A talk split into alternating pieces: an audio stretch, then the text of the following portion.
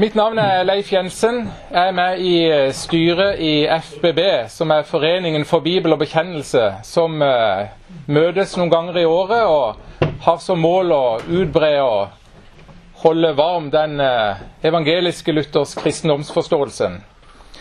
Og nå har vi jo hørt en fin preken i dag med tematikken som Luther var opptatt av, og som han fikk sin fred gjennom rettferdiggjørelsen ved troen alene. Og selv om jeg er med i Foreningen for bibel og bekjennelse, så het det tidligere Presteforeningen for bibel og bekjennelse. Men jeg er jo glad for at de har åpna opp for legfolk også, sånn at vi vanlige folk får lov til å være sammen med prestene og sitte ved disses føtter og lytte til disses visdom. Og eh, Jeg ble utfordra på om jeg kunne si litt kort om reformasjonen i dag, og spesielt litt om eh, dette Lutherseilet, eller Lutherrosa. Og da har jeg blitt lurt eller lokka til å gjøre det, da, og skal prøve så godt jeg kan. Som vi hørte i kirka, så er det jo 499 års jubileum. Så det er ikke så ofte en feirer sånn den type jubileum. Eh, men eh, vi håper jo dette kan bli en tradisjon, og at eh, vi til neste år kan samles til reformasjonens 500-årsjubileum. Og det var jo den 31. oktober i 1517 at Luther gikk til det skrittet og offentliggjør sine 95 teser mot avlatshandelen. Luther var jo eh, professor i teologi og studerte Bibelen mye. Og etter hvert så kom han mer og mer til klarhet i dette med den katolske kirkes lære om boten, som gjorde han veldig urolig fordi at han hadde prøvd den vei som den katolske kirke foreskrev. Og jo lenger han vandra den veien, jo mindre fred fikk han i sitt eget hjerte. Og når han da opplevde i 1517 at uh, det kom omreisende uh, folk som solgte synsforlatelse for penger, så ble han kraftig fortørna over det. For den katolske kirke de lærte at den som gjorde synd, påførte seg skyld den var skyldig.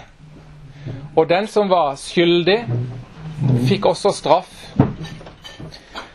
Og så lærte de det at uh, syndenes skyld, det kunne en få tilgivelse for i boten. Men straffen måtte en sone, avhengig av hvor alvorlig synd en hadde begått. Og en kunne sone straffen på tre måter. Det ene var ved å gjøre bot. Og Da var det foreskrevet en del øvelser som eh, en måtte gjøre for å vise at en ville gjøre opp for den synden en hadde begått. F.eks. kunne en be så og så mange bønner i løpet av uka. Og Da var det ei liste med sånn botsøvelser som passa til de ulike forbrytelser man hadde begått da. Og Jo mer alvorlig synden var, jo alvorligere var botsøvelsene man måtte utsettes for. Det andre en kunne sone for sin synd ved, det var å gjøre spesielt gode gjerninger som gjorde en fortjent til avlad. F.eks. kunne en dra på pilegrimsreise til Rom på spesielt hellige, i hellige år. Da fikk en slags overskudd av gode gjerninger som kompenserte for den synden en da hadde begått. Og det tredje, og det var nok det som gjorde folk mest urolig, det var dette med skjærsilden etter døden, som var et sted hvor en da skulle bli rensa for de syndene som en ikke hadde fått gjort opp for mens en levde. Og fordi botsøvelsene kunne bli veldig strenge, så fant de ut at eh, folk kunne betale en gave til kirka ved økonomisk kompensasjon som et bevis for at en var inne i rett bodsstemning og var villig til å gjøre opp for seg. Men så utvikla det seg etter hvert som pavene roda det til med mye kriger og konflikter og skulle bygge flotte kirkebygg det ene etter det andre. Så fikk de behov for stadig flere og flere penger, og da utvikla denne avladshandelen seg ved at noen reiste rundt og ga deg kvittering på at uh, synden var ettergitt, og tida i skjærsilden ble forkorta eller totalt utsletta. Og mange valgte den løsninga der fremfor krevende botsøvelser. Eller hvis du var øm i samvittigheten, så var det en måte å kjøpe seg evig frelse og fred. Eh, Luther, som vi hørte i talen i dag, han eh, tenkte ikke å reformere kirka da han tok et oppgjør med dette, men han ønska bare å gjøre ledelsen oppmerksom på det misbruket som foregikk. Og han tenkte ganske enkelt at hvis ledelsen fikk høre om dette, så ville de selvfølgelig ta et oppgjør med det og få avskaffa den utingen. Så det var hans enkle og tillitsfulle tilnærming til selve problemstillinga. Og han eh, skrev da sine 95 teser og leverte de til sin biskop. Og da opplevde han eh, noe som en kan oppleve, at eh, når en sier fra om ting, så er det ikke alltid det blir tatt imot sånn som en har tenkt. Eh, andre kan ha andre tanker om det, og det kan være både politiske ting og andre ting som spiller inn hvordan en reagerer. Og han ble da møtt med uvilje, ble stempla som en kjetter, og han ble etter hvert lyst i bann, sånn som vi kjenner til. Og Dette medførte at eh, Luther i større og større grad delvis ble pressa ut fra den katolske kirke, og mer og mer fikk innsikt i de grunnleggende problemstillinger som eh, var i den katolske kirke, hvor de eh, bevegte seg mer og mer bort fra si, den katolske lære. Katolsk betyr jo alminnelig, og kirkens alminnelige lære hadde de gjennom middelalderen beveget seg mer og mer bort fra da.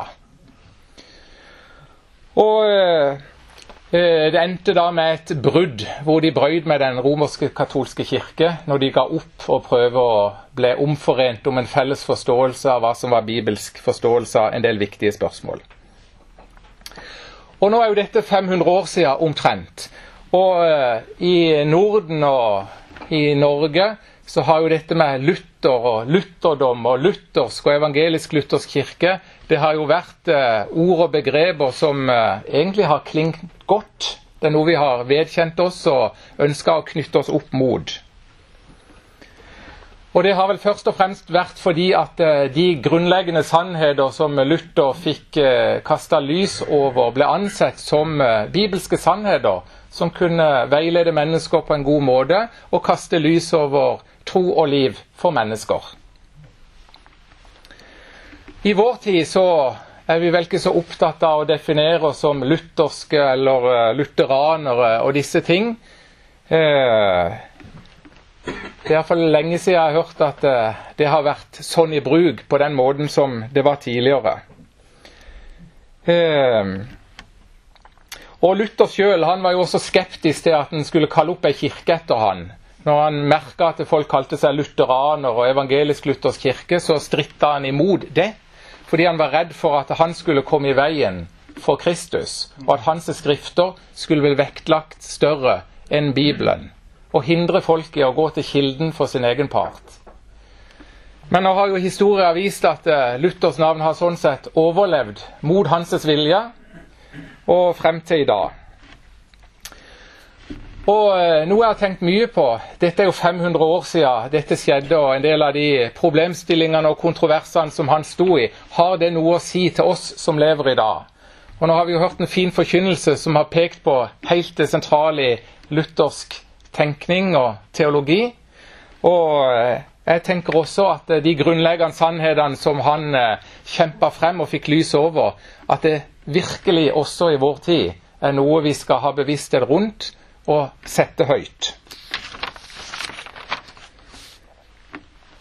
Det første eh, Luther eh, holdt fast på, det var jo dette reformatoriske prinsippet om Skriften alene.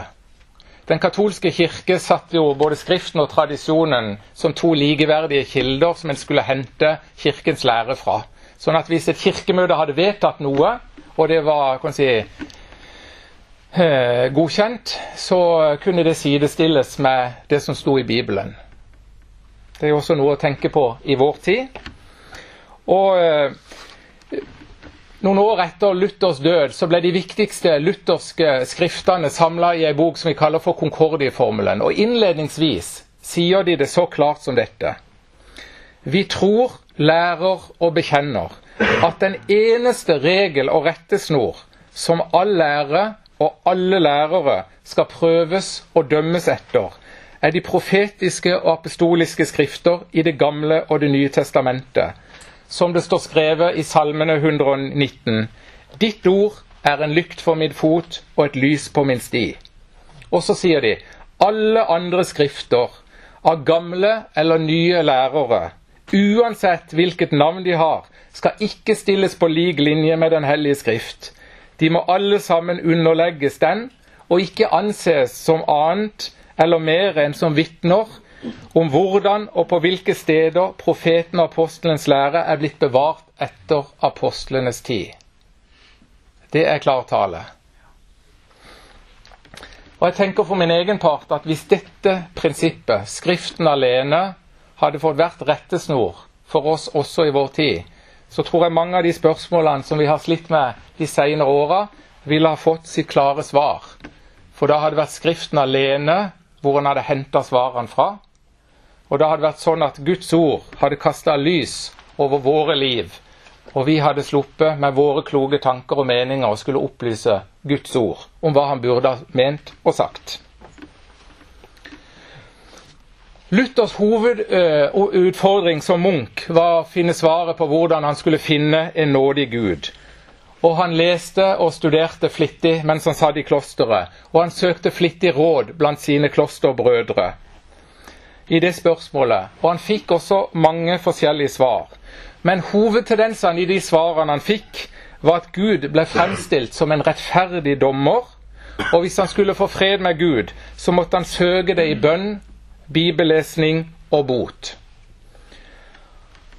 Og Luther tok dette på alvor, men jo mer han strevde med sin bønn, sin bibelløsning og sine botsøvelser, jo mindre både følte og fant han den fred og den hellighet i sitt eget hjerte som han søkte etter. Og når han hadde holdt på med dette i noen år, så var han fysisk og psykisk så svak at han nærmest var på randen av sammenbrudd. Men i studier over romerbrevet så kom han da over et bibelspråk som han nok hadde lest mange, mange ganger før, men som åpenbarte seg for han som balsam for en urolig samvittighet. Og det var den teksten som var teksten her i dag fra Romerne 1, 16, 17. Jeg skammer meg ikke ved evangeliet, for det er en Guds kraft til frelse for hver den som tror, både for jøder og for grekere. For i dette evangelium åpenbares Guds rettferdighet av tro til tro, som det står skrevet, den rettferdige av troen skal leve. Og Luther sier sjøl i denne forbindelse i lang tid så var jeg i villrede og visste ikke hvordan jeg hadde det. Jeg visste nok noe, men jeg visste ikke hva det var. Da så jeg hvilken så kom jeg til Romerne 1,17, og der så jeg hvilken rettferdighet Paulus taler om, og så ble jeg viss i min sak. Jeg lærte nemlig å skjelne mellom loven, rettferdigheten av loven og rettferdigheten av evangeliet. Før mangla jeg bare dette. At jeg ikke skjelna mellom lov og evangelium, men jeg holdt begge deler for å være den samme saken. Med dette lyset for øynene så satte Luther seg ned og så leste han Bibelen gjennom fra kapittel 1 og ut til Johannes' åpenbaring. Og så sjekka han alle bibelspråkene mot dette nye lyset. Og så så han at dette var en rød tråd gjennom Bibelen som han ikke hadde sett før. Og Luther forsto nå at Guds ord bestod av to slags forkynnelser, som vi også har hørt i dag. Lovens forkynnelse, som krever at mennesket skal være hellig, slik Gud er hellig. Og når denne tale lyde uavkorta, så avslører han sannheten om mennesket nemlig at det etter syndefallet verken er hellig, men at det også aldri noen gang kan bli hellig i seg selv. Og Når dette budskapet lyder, så skaper det to slags hovedvirkninger eller hovedreaksjoner. Enten kan mennesket bli sint og si nei, jeg er ikke sånn som Guds ord sier at det er. Vel, jeg er ikke fullkommen. Jeg har mine feil og mine mangler som jeg strever med. Men ingen kan anklage meg for det, for jeg er jo bare et menneske. Og hvis Gud er god, så vil han jo bære over med mine svakheter. Men hvis lovens budskap lyder og blir trodd sånn som det kommer frem i Nytestamentet, så skaper det den virkninga som vi så på pinsedag, når Peter holdt sin tale, og folk spurte hva skal jeg gjøre for å bli frelst? Og det var dette spørsmålet som var blitt så viktig for Luther. Han hadde sittet mye under loven. Og det var da han fikk øye på disse forløsende ordene fra romerbrevet 'Den rettferdige av troen skal leve'. Det skjedde ikke med bønn, bibellesning og botsøvelser. Lovens forkynnelse hadde skapt en nød og en tørst hos Luther etter nåde.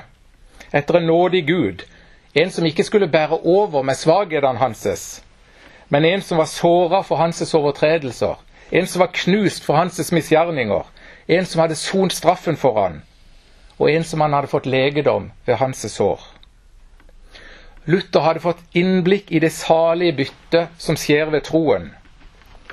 Han skjønte nå at alt han gikk og strevde med, hadde Jesus en gang båret på sine skuldrer og sont fullkomment for for 1500 år siden. Og alt Jesus hadde innvunnet med døden på korset, lå åpent for han i evangeliets løfte, som sier Kom hit til meg, alle dere som strever og har tungt å bære, og jeg vil gi dere hvile. Det var denne erfaringen, innsikten og skatten som reformatorene hadde fått innsikt i med Guds ord. Og det ble en nøkkel som åpna Bibelen for dem, og kunne veilede mennesker til sann og varig fred. Og Concordie-formelen som jeg henviste til i stad i forbindelse med Skriften alene, de sier det sånn. Forskjellen mellom lov og evangelium er et særlig herlig lys som tjener til at Guds ord blir rett delt, og de hellige profeters og apostlers skrifter riktig blir forklart og forstått. Det er nøkkelen til å åpne Bibelen. Og I etterkant så har denne innsikten blitt formulert i de tre reformatoriske hovedprinsippene som vi sikkert kjenner. Skriften alene, troen alene og nåden alene. Og i 1530 så fikk Luther lagd et seil som på en måte symboliserer kjernen i luthersk tro og tenkning. Og innerst i seilet, i sentrum, der finner vi korset. Og hvis en skal på en enfoldig og likefrem vis prøve å oppsummere hvordan jeg tenker rundt dette, så tenker jeg at hvis jeg har korset i hjertet, og korset er senter i min tro, så vil min tro blomstre. Og så har jeg en blå himmel over livet mitt, med nådig Gud, som for Kristi skyld vil være med meg og gi meg kraft til å leve i troen på Hans Sønn. Og utenfor dette så har vi en gullsirkel og da går tankene til Johannes' åpenbaringen og gullbyen, det nye Jerusalem, og det håpet som en gang venter oss, hvor alt skal bli rent, og vi skal slippe å bære på sorg og anfektelse og nød og alt som plager oss. Så for min egen part så har jeg tenkt at vi nå på reformasjonsdagen først og fremst kan minne og ære disse reformatoriske fedre ved å bringe videre til våre barn og de som står rundt oss, det reformatoriske arvegodset, nemlig Guds ord som lov og evangelium. For det kan gi klarhet i troen, det kan gi fred i samvittigheten, og det kan gi håp for evigheten. Amen.